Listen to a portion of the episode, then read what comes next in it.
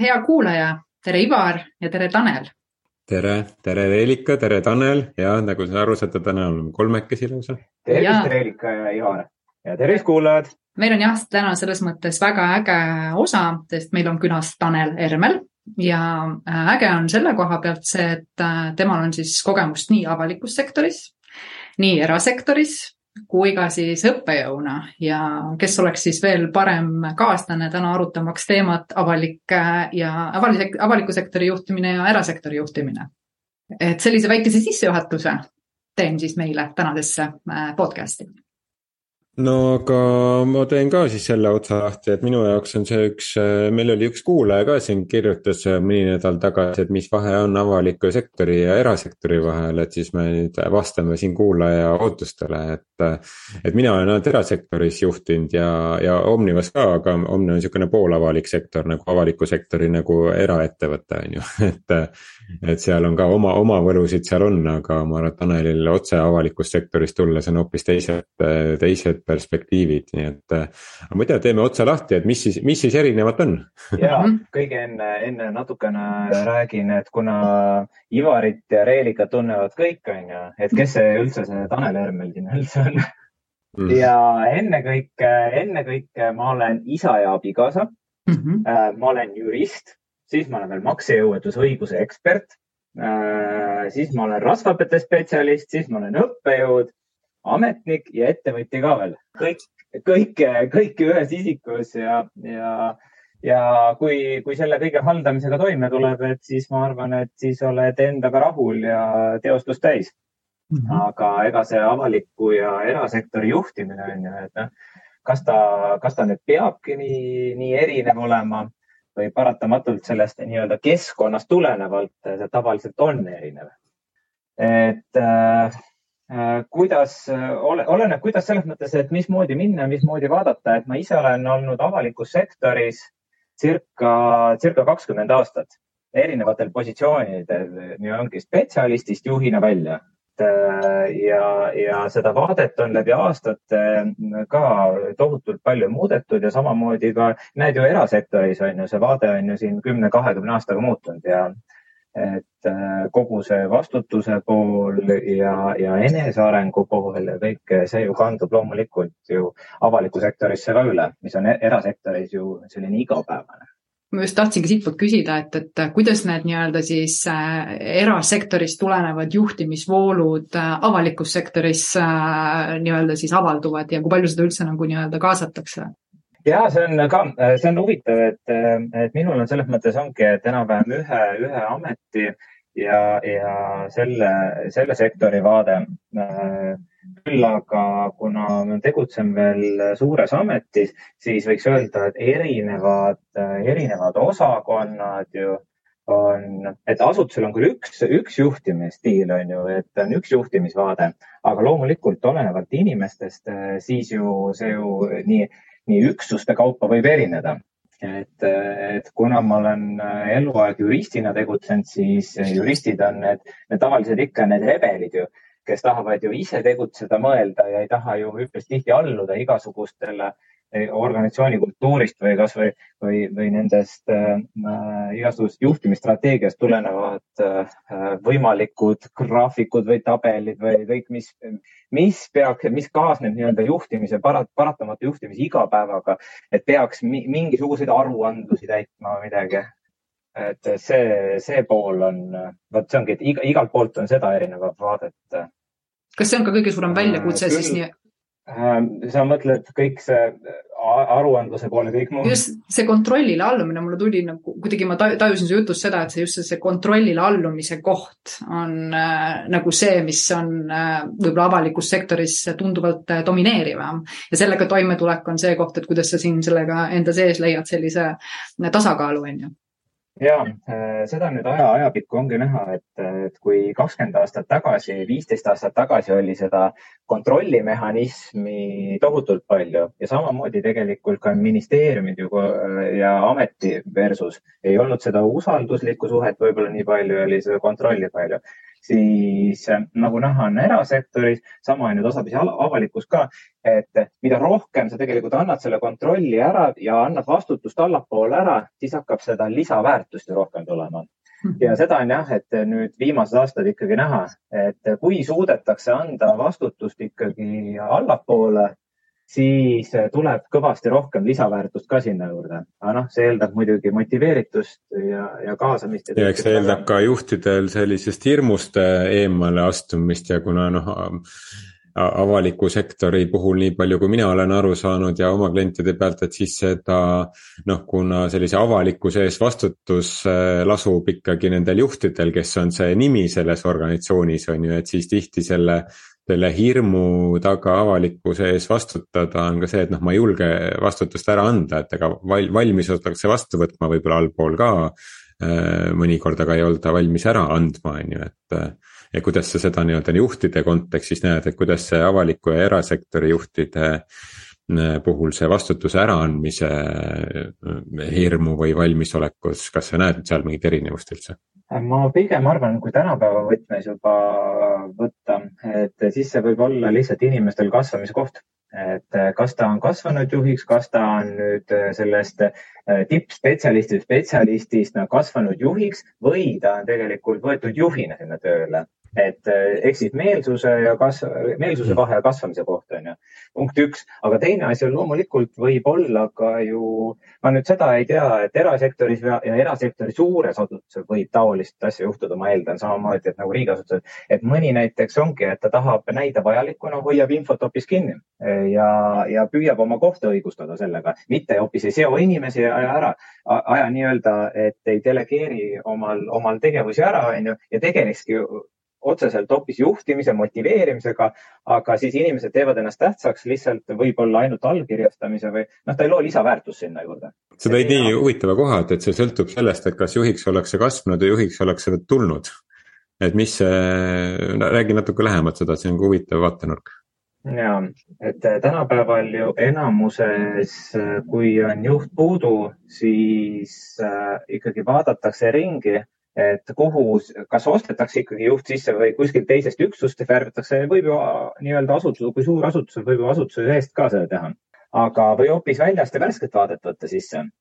et äh, kui on potentsiaali, loomulikult võib ju võtta asutusest ja üksusest seest ka, aga seal võib juhtuda, et ongi, et et kui äh, kakskümmend aastat tagasi oli ikkagi mudel, et sa tulid spetsialistist äh, ametisse ja vaikselt-vaikselt kasvasid siis nii-öelda juhiks. no kas nüüd, kas nüüd üldse kasvasid, on ju, lihtsalt see oli, see oli paratamatu olukord, sa lihtsalt istusid ja, ja, ja kui sa olid natukene entusiastlikum, küll sa siis ikka juhiks said. see oli nagu, nagu tavapärane, aga, aga paratamatult ega juhtimiskoolitusi ei kaas-, ei kaasnenud nii palju ja inimesed lihtsalt ongi tippspetsialist äh, Äh, üpris tihti ei sobi ju juhiks. et juht peab ikkagi olema ju liider, sa pead olema ju mingisuguste liidri omadustega, et sa kaasad, et sa ei tee teiste eest tööd ära, onju. et äh, seal on ikkagi, ikkagi väga-väga suur kvaliteedivahe ja, sest et juhtimis, juhtimisekspertsus versus, versus valdkonna ekspertsus, et need omavahel tihti ei pruugi koos, koos üldse käia mul tekkis siit nagu huvitav küsimus selle koha pealt, et kuidas see tänane üldse nagu koht on, et kuivõrd palju täna ikkagi sealt sisemiselt äh, edasi minnakse, ma mõtlen nagu üks nagu siis ettevõtte või ütleme siis organisatsiooni siseselt et palju seda üldse väljapoolt võetakse, et tõenäoliselt seal on see koht ka, et on vaja nagu nii-öelda spetsiifilist teadmist, mida siis nii-öelda sealt alt üles saamise käigus nagu nii-öelda omandatakse, et väärtustatakse teadmiseid ja, ja kuidas ma ütlen siis äh, jah, teadlikkust kõigest sellest, mis toimub versus nii-öelda juhtimine ise või? jah, et noh, selles mõttes ongi, et seal on mitmetasandiline juhtimine, et, et kui me räägime, et selline väikene üksus ehk siis ongi, et et on näiteks viis kuni kümme inimest ja tema juht on ju, see on, võiks tõesti tegelikult sisemiselt võib-olla tõesti välja kasvada äh, või kuskilt nii-öelda organisatsioonis sees, et siis võib-olla on need teadmised ka olulised, on ju. et mhm. ta võiks aru saada ikkagi, mis seal nagu toimub, aga tegelikult, kui sealt edasi minna juht on ju, kes juhib juba antud juhte ja siis järelikult tuleb juba seal äh, seal äh, inimtöötajaskonda on juba taga juba nelikümmend, viiskümmend on ju, ehk siis äh, kas nüüd osakonna juhataja tasand või valdkonna nii-öelda juht, et, et aga mis, mis sisu teadmine, mis lisaväärtus sinna taga annab? et siis ongi vaja tegelikult juhtumis, juhtimisotsuseid, strateegiat aru saada, onju, vaadata tegelikult juba suurt pilti hoopis teisel tasandil ja mida edasi tegelikult ju jada läheb, seda vähem peaks, peaks, noh, tore on, kui sisu teab, aga üks õige juht tegelikult kohandab ennast ju igas olukorras, onju. ja mm -hmm. üldraamides ju vahet ei ole, et mida me siin toodame, kas me toodame nüüd kilukarpe seal tehases, onju, või paneme juriste kohtus esindama või me toodame mööblit kuskil siis lõppkokkuvõttes need, need strateegilised sammud on ju kõik samad, oleneb, mis taseme juht lihtsalt on. ehk mina täna Reelika Perja olen pikaaegse juhtimiskogemusega, võiksin astuda justiitsministeeriumisse tööle teatava osakonna juhi ametikohale, see oleks okei okay aga ma arvan, miks mitte et oleneb, kuidas sealne juhtimisstruktuur üles ehitatud on. et okay., et kas osakonna juhatajal eeldatakse miskisuguseid teadmisi, on ju, et ta peab mingid süvaasjades kaasa rääkima või mitte aga pigem eeldatakse, et. ministrid ka, et mm. -hmm no vot, vot see ongi, et oleneb asutusest tegelikult, et okay. ei saa, et kui innovaatiline asutus on ju et ja kuidas, kuidas antakse nii-öelda delegeerimisrolli alla, et, et vaadates ju ka ministeeriumites ministreid või mis valitakse, et, et kas nad alati on siis selle valdkonna mingid spetsialistid, ei ole ju enamuses, et, et. vahel sportlased on ju. no vot täpselt, et. no ma, ma arvan, et see, see üks müüt, mis ongi era- ja avaliku sektori kontekstis ongi, üks oli see kontrolli teemast, millest me hakkasime pihta, on ju. ja, ja ja teine see, et noh, sul peab kindlasti olema selle valdkonna väga täpne teadmine. et noh, ma arvan, et, et juba selle nagu praegu selle veerand, veerand tunniga, mis me siin oleme rääkinud, et et ma arvan, et lõppkokkuvõttes igal pool on inimesed, on see on nagu avalik sektor või on see erasektor. ja, ja juhid on erineva käekirjaga, sellest lähtuvalt on nende oma meeskond erineva käekirjaga, kes meeskond lõpuks ikkagi peegeldab seda juhti. et oled sa avalikus sektoris või erasektoris et, et lõppkokkuvõttes nüüd nagu liiga suurt äh, vahet ei tee see sektor, vaid pigem teeb see, kes sa inimesena oled. ja, ja ma et täna noh, nii palju, kui ma sind kuulan, et ma saan aru ka, et täna, täna me oleme ikkagi nagu liikunud selles suunas, et kuna on sektorite vahel liikumist olnud rohkem ja, ja ja avalikku sektorisse on ka erasektorist juhte läinud, et siis see no inimesed ju räägivad omavahel, ilma et nad isegi peavad liikuma, et, et, et siis see teatud teadmine liigub, need ei ole mingi kaks eraldi maailma, on, on ministeeriumi uksest sisseastumine või mis iganes avaliku sektori organisatsiooni uksest sisseastumine, et siis algab mingisugune teine universum. ja, inimesed on ikka koos. aga samas ongi, et seda, seda inimestevahelist suhtlust, seda peab ka juhtima jällegi. Mm..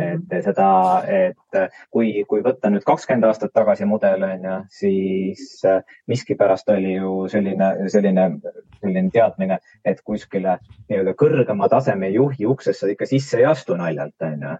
Aga tänapäeva juhtimine ikkagi, et sul on ju, et kellelgi ei ole uksed kinni, kõik on avatud suhtleme, et ja et see teadmine, et üksuses, et palun suhtle teiste inimestega, palun suhtle teiste osakonda, palun suhtle teiste ametitega, onju. Mhm.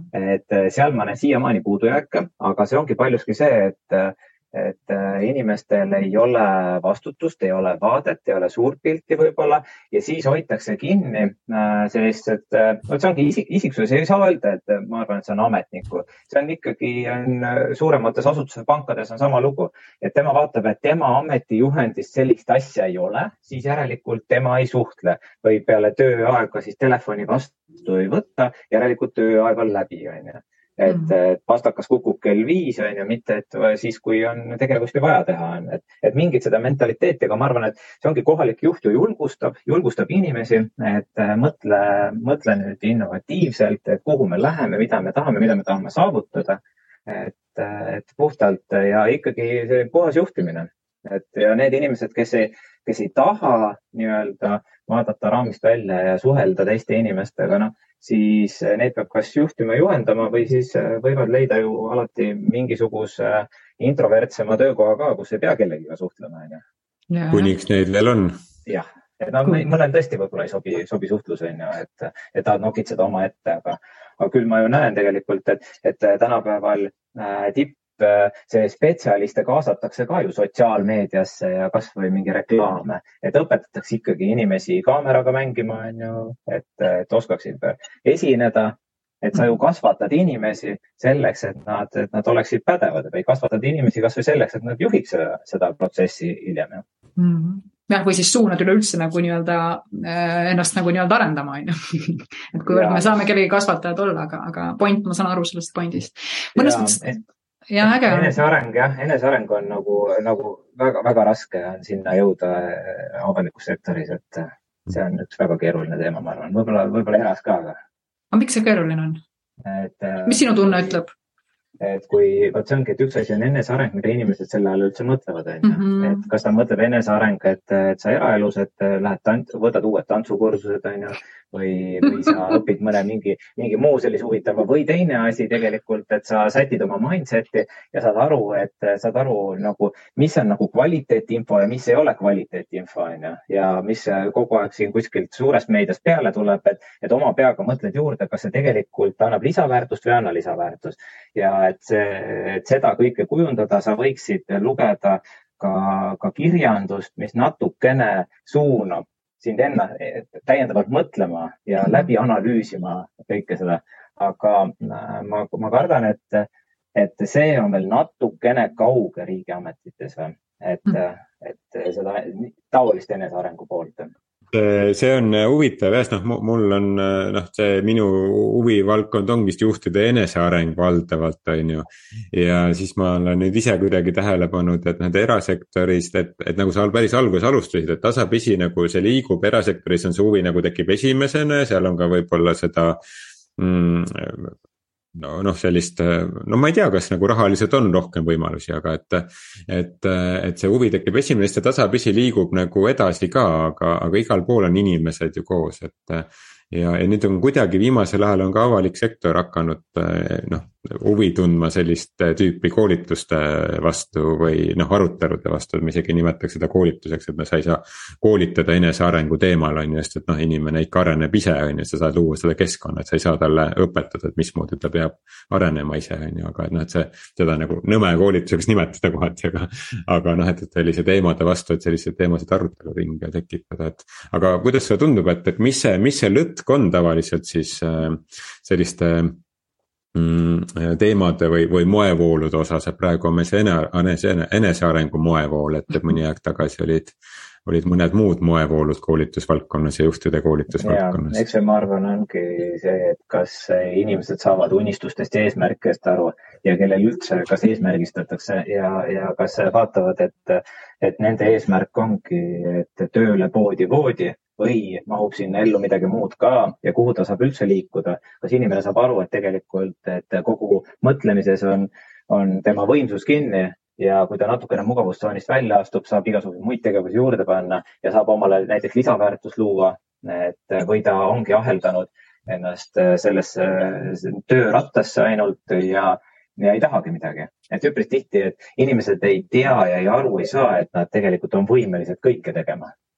Ja, ja kui natukene suunata neid unistuste eesmärkidega, siis, aga samas, kas see nüüd äh, ongi suurkorporatsioonidel võib-olla ja ka riigiasutusel, kas see nüüd on eesmärk, et võimalik, et siis kaks võimalust, et kas need inimesed kasvavad seest väga tugevateks juhtideks, aga võib-olla hoopis lähevad välja ja hakkavad hoopis, hoopis olema erasektoris, on ju, et seal on nii ja naapidi teooriad jällegi, on ju hmm.. siis ei taheta nagu liiga heaks seda nii-öelda asja lasta vaat ei oska öelda jah, et, et see, see noh, see võib, võib nii olla, ma, ma loodan vägisi, et ei ole, aga pigem on need eesmärgistamised ja, ja, ja et kuidas eesmärkideni jõuda.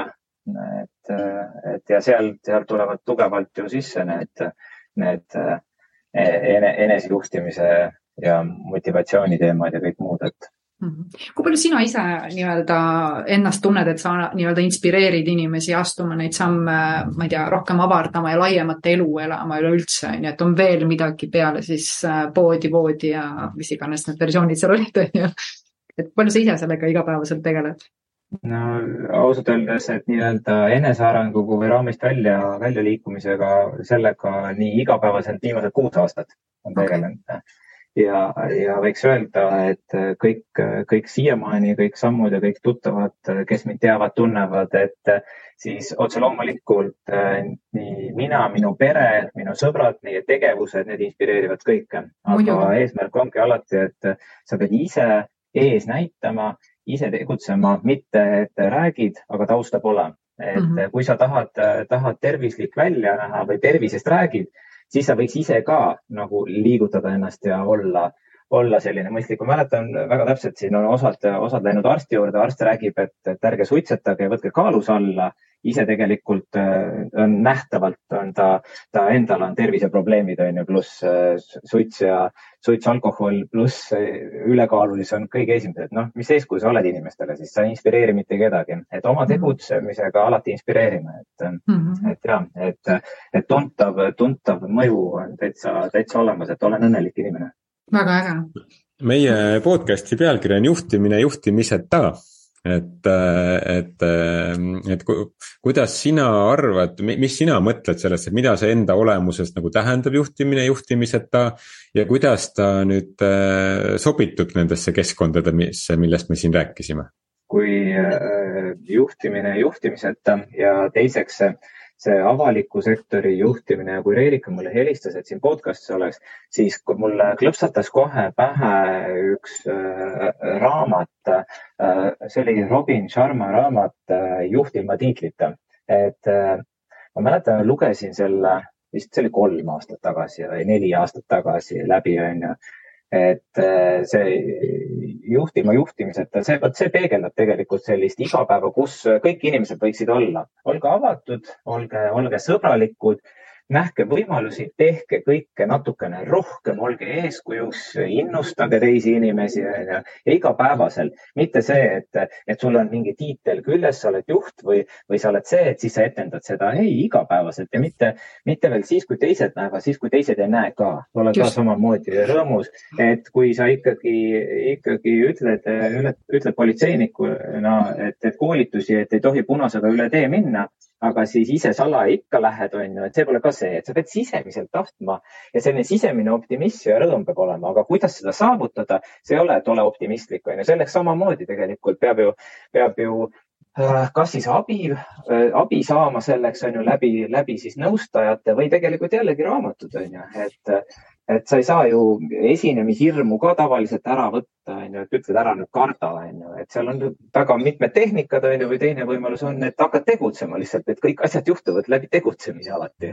mine esinema. täpselt, et, et loomulikult ja läbi vigade me õpimegi, et, et vanakooli kasvatus oli see, et, et vigu ei tohi teha, inimesed kardavad vigu teha. no kuidas me siis õpime? järelikult tulebki teha nii palju vigu ja vigu, viga ei nimetada veaks ju, et tegelikult see on õppimise koht iga asi on puhas õppimine ja mm., ja niikaua, kui seda ei tee, nii kaua, nii kaua ei, ei arene ka kuskile aga see mõnevõrra ongi selline müüt, mis siis ka käib avaliku sektori kohta, et, et et seal saab teha ainult vigu, nii nagu koolisüsteemis, kus meie siis siin üle kaheksateistaastased pärit oleme, et. et noh, ainuke, et sul sai, sul sai minna ainult kehvemaks kogu aeg. et noh, et, et maksimum oli teada, et maksimum on viis ja sellest saab ainult allapoole kukkuda, on ju ja, ja kui ma mõtlen sellise müüdi, müüdi või ma ei tea, kas see on võib-olla reaalsus nagu avaliku sektori peale ka, noh, et sul on mingi selline nagu raamistik, reeglistik, mille vastu sa saad ainult eksida. et äh, aga noh, kui me räägime erasektorist, siis seal nagu noh, siis, siis seal on mingi alus, mille peale sa ehitad nagu midagi muud, on ju. noh, ma nüüd hästi lihtsustan praegu, on ju. et, et kas võib-olla seal võib olla ka mingisugune vahe sellest, et sa saad nagu eksida millegi vastu või versus sa saad midagi luua millel ei ole nagu piiranguid? ma pigem isegi hoopis, äh, pigem isegi näeks hoopis juhtimisprobleemi niipidi, et, äh, et avalikus sektoris on sul jagatud vastutus pigem hoopis ja sul on eksimisruumi veel rohkem kogu aeg. ja see võib-olla suunab inimesi mugavustsooni, et nii kui nad vastutust võtavad üksinda, nii sul vähemalt hakkab mingigi eneseareng, onju ja et, et ega tegelikult elus ju vahet ei ole, kas sa annad õigeid või valesid vastuseid, peaasi, et vastus oleks. et seal, seal ei ole mingit tähtsust see vastus, et inimesed ikka intuitsiooniga tegutsevad ja peaasi, et otsus oleks. see otsustamatus on ju kõige hullem. nüüd erasektoris võib juhtuda niimoodi, et igal otsusel on väga suur kaal ja rahaline kaal nüüd avalikus sektoris ju reaalselt loomulikult vastutus on olemas, aga olgem ausad, sa ju mängid nii-öelda suurema potiga ja vastutusring on palju suurem mm. -hmm. et, et see tegelikult, tegelikult see pigem hoopis tõmbab, tõmbab seda entusiasmi võib-olla, võib-olla maha või sellist, et ongi, kui inimesed ei saa vastutada, siis ma, siis ma iseenesest näen, et siis, siis nad tegelikult ükskõikselt ka suhtuvad sellesse, mis nad teevad. et niipidi äkki. jah, vastutus on huvitav koht ja sellest saadakse väga erinevalt aru ka pühendumist ilma vastutuseta ei tekigi iseenesest ja kõik algab, et ma mõtlengi, et kas era- või avalik sektor, kõik algab iseenda motiveerimisest ja kas sa oled nagu huvitatud üldse valdkonnast või mitte, et kas sa käid ainult tööl sellepärast, et raha teenida või sul mingi huvi ka on. ja, ja loomulikult ju see nagu igal pool on ju inimene ju jänuneb kiituste järgi, on ju, kas keegi teeb seda välja või mitte, aga sa pead need, kui asutus ise sellest välja ei tee või kohalik juht peaks sellest sisemisest motivatsioonisüsteemist aru saama, et vähemalt, vähemalt kiitmagi neid äh, igapäevaseid alluvaid ja aru saamagi ja, ja kuulama ja tundma äh, neid, äh, nende isegi, isegi seal ütleme väiksema tasandi juhid ikkagi peaksid inimesi juhtima, et nad peaksid neid isiklikke, isiklikke probleeme ka inimestel nii-öelda aru saama ja teadma mitte ainult see, et teed tööl see punkti A ära, aga mis siis, mis siis, mis see sulle endale annab arengus või midagi. et kui see kõik inimlik standard juurde, juurde tuua, siis see kindlasti avaliku sektori või ka ma arvan er,, erasektori efektiivsus kohe kasvab ju hmm.. kogu meie ühiskond kasvab, on ju. kogu äh, ühiskond. just et ja noh, avaliku sektori mõju, ma arvan, on, on seda selle võrra veelgi suurem, et, et see, see, kui juht, kes tahab mõju avaldada, on ju, siis eh, ma arvan, et see on ju ideaalne, kus seda teha, on ju, ja, ja kus ka mõju avaldada selleks, et muutuks see eh, noh, tuleks rohkem igapäevaselt lauale sellise enesearengu teema, enesemotiveerimise teema ja, ja enese seest selle drive'i või selle käivitaja leidmine, on ju mul tekkis üks huvitav koht, et kui me täna vaatame üleüldse ühiskonda ja, ja me teame, et järjest enam inimesi ikkagi tulevad teadlikkusse, on ju, et noh, see, see enesearengu asi on seda ikka palju kaasa toonud, on ju. et kas see ka toob nagu kaasa seda nagu, kas sa oled seda toimunud ja tunnetanud, et inimestel ikka tekib see koht, et veits sihuke ükskõiksus või pannakse küsimärgi alla, kas see on üleüldse õige ja, ja, ja, ja pädev teema, et, et kas ka seda on sealtpoolt tunda? Mm, sa mõtled näiteks, et kui antakse ebapädev tööülesanne või midagi taolist? mida iganes, vaid ikkagi, et inimesed juba vaikselt ju hakkavad, kas nii ikkagi peab ja otsivad mingit vabadust ja tahavad sealt kontrolli alt välja saada ja ikkagi nagu nad võib-olla ei tea täpselt, et nad seal enesearengus on, aga, aga me kõik ümberringi ju tegeleme nii palju enesearenguga, seda tuleb igast uksest ja aknast sisse, et, et ma ei usu, et on olemas väga palju selliseid inimesi, kes üleüldse sellest puudutatud ei ole, kes võib-olla väldib natukene ja, ja ei tea seda sügavat sisu, aga ikkagi inimesed juba on vaikselt nagu tõusnud tõusnud, on ju. minu tunnetus räägib seda, et miks üleüldse tekivad teemade järgi huvid ja, ja võib-olla juba kuulatakse. ja siin peab olema tegelikult iga asjaga on see, et sul peab endal olema terve mõistus peas.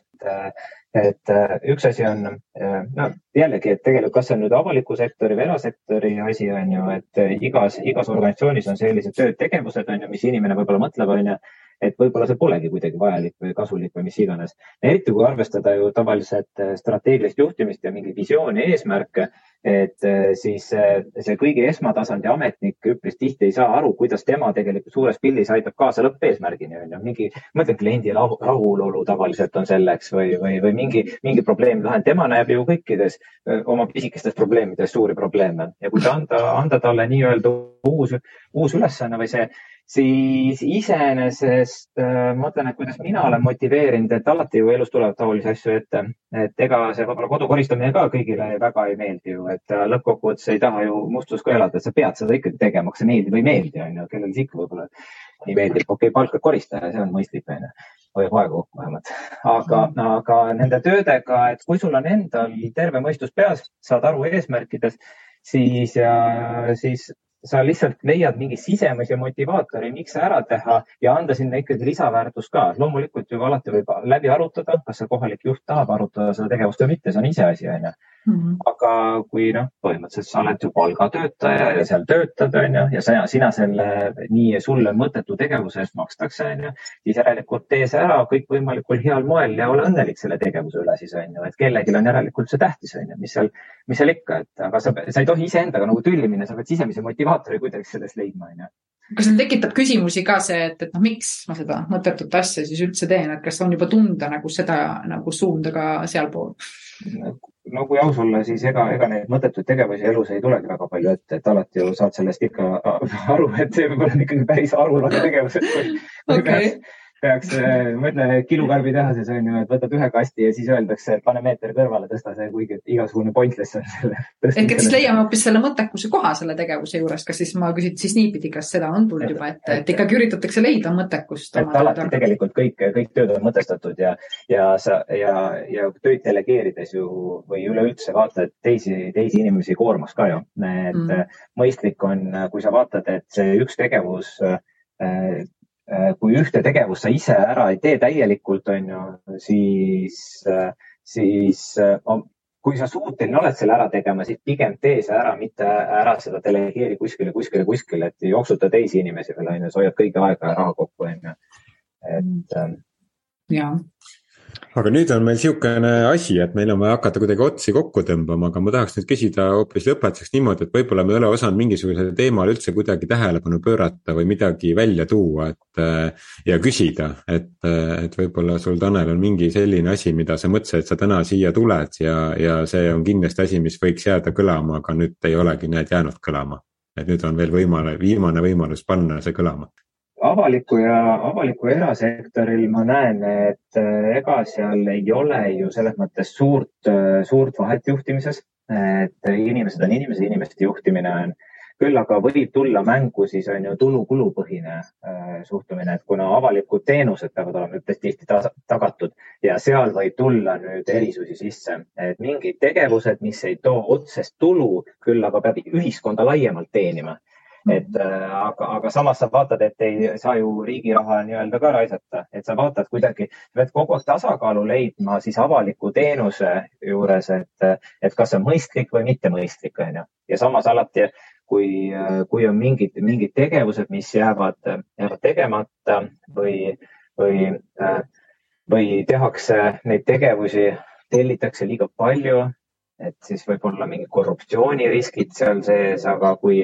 kui sa ära neid ei tee, on ju, siis on see riigi raha raiskamine selline otstarbekuse kriteeriumid, et, et noh, väikesed sellised, sellised nüansid on sellel ava, avaliku sektori juhtimisel ja, ja erase. Need detailid.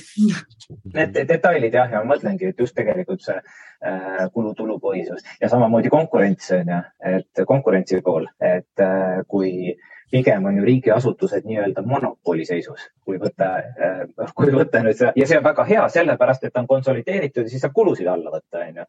eras on jälle vastupidi, onju, et noh, natukene siin need, need juhtimise nüansid on erinevad. väga äge, mina täna igal juhul äh, tundsin seda, et äh, et me tegime head reklaami avalikule sektorile, et, et igaüks võib sinna tööle minna. Ja kui sa tunned, et sa oled äge juht ja, ja, ja vastupidi, tekib see tunne, et tahaks, tahaks nagu nii-öelda aidata ka nii-öelda avalikus sektoris inimeste juhtimisele kaasa ja tuua sellist paindlikkust ja avarust sisse, mida ma näen, Tanel, sinu puhul hästi palju on, siis igal juhul oled sa teretulnud, et ei ole vaja muretseda, et sa valdkonda või teemat väga nagu süviti ei tea, on ju. et ikkagi leitakse võimalus, kui sa tahad, jah inimesed on ikka igal pool inimesed ja inimesed on oma olemuselt ju ikkagi head ja toredad mm. et sest, ja inimestega koos on ikka põnev. sest mina isiklikult, kui ma olen vaadanud mingeid selliseid äh, töökohti, mis on siis nagu avaliku äh, sektoriga seotud, see on ikka pigem see oh! et see tekib nagu see, et aa, seal on mingid omad nagu nõudmised, et pigem see kuidagi seal sisemiselt inimesed käivad, on ju, et see on lihtsalt see esimene nii-öelda ahaa, on ju, aga nüüd ma sain sellest teada, et tegelikult ei ole üldse vahet, et ikka alati võib, kui sul on huvi sinnapoole kindlasti, kindlasti, kindlasti. ainukene vahe on see, et öeldakse selline, eh, on ütlus, mis öeldakse riigi, riigitööl on see teenistus eh, pikk, aga peenike mis see tähendab? pikk, aga peenike et tegelikult inimene, inimene läheb tööle, ta võib pikki aastaid seal olla, paarkümmend, kolmkümmend, nelikümmend aastat, aga selles mõttes erasektoris tihti ikka teenitakse rohkem aa, peenike, ma mõtlesin, sa oled sale pärast, oledki sale pärast no see mõjutab jah. kõik, kes ole. tahavad kaalu langetada, avalikku sektorit. Nali aga aitäh selle aja eest ja aitäh meile natukene avamast seda, seda maailma, mis nagu erasektoris olles tundub sihukene võib-olla kohati müstifitseeritud, et seal on teistsugused inimesed, aga inimesed on ikka igal pool toredad. teine universum, nagu sa ütlesid, on ju. oleme ikka, tuleb välja, et vist oleme ikka samas universumis asustame, asume, et ürit-, tahaks küll need meie ja nemad asja ajada vahel, aga mina ei taha, aga mõnikord tahetakse et aga need on täitsa ühes kohas oleme. Ja, aga aitäh kõigile. aitäh, järgmise aitäh, ja Ivar. aitäh sulle, Tanel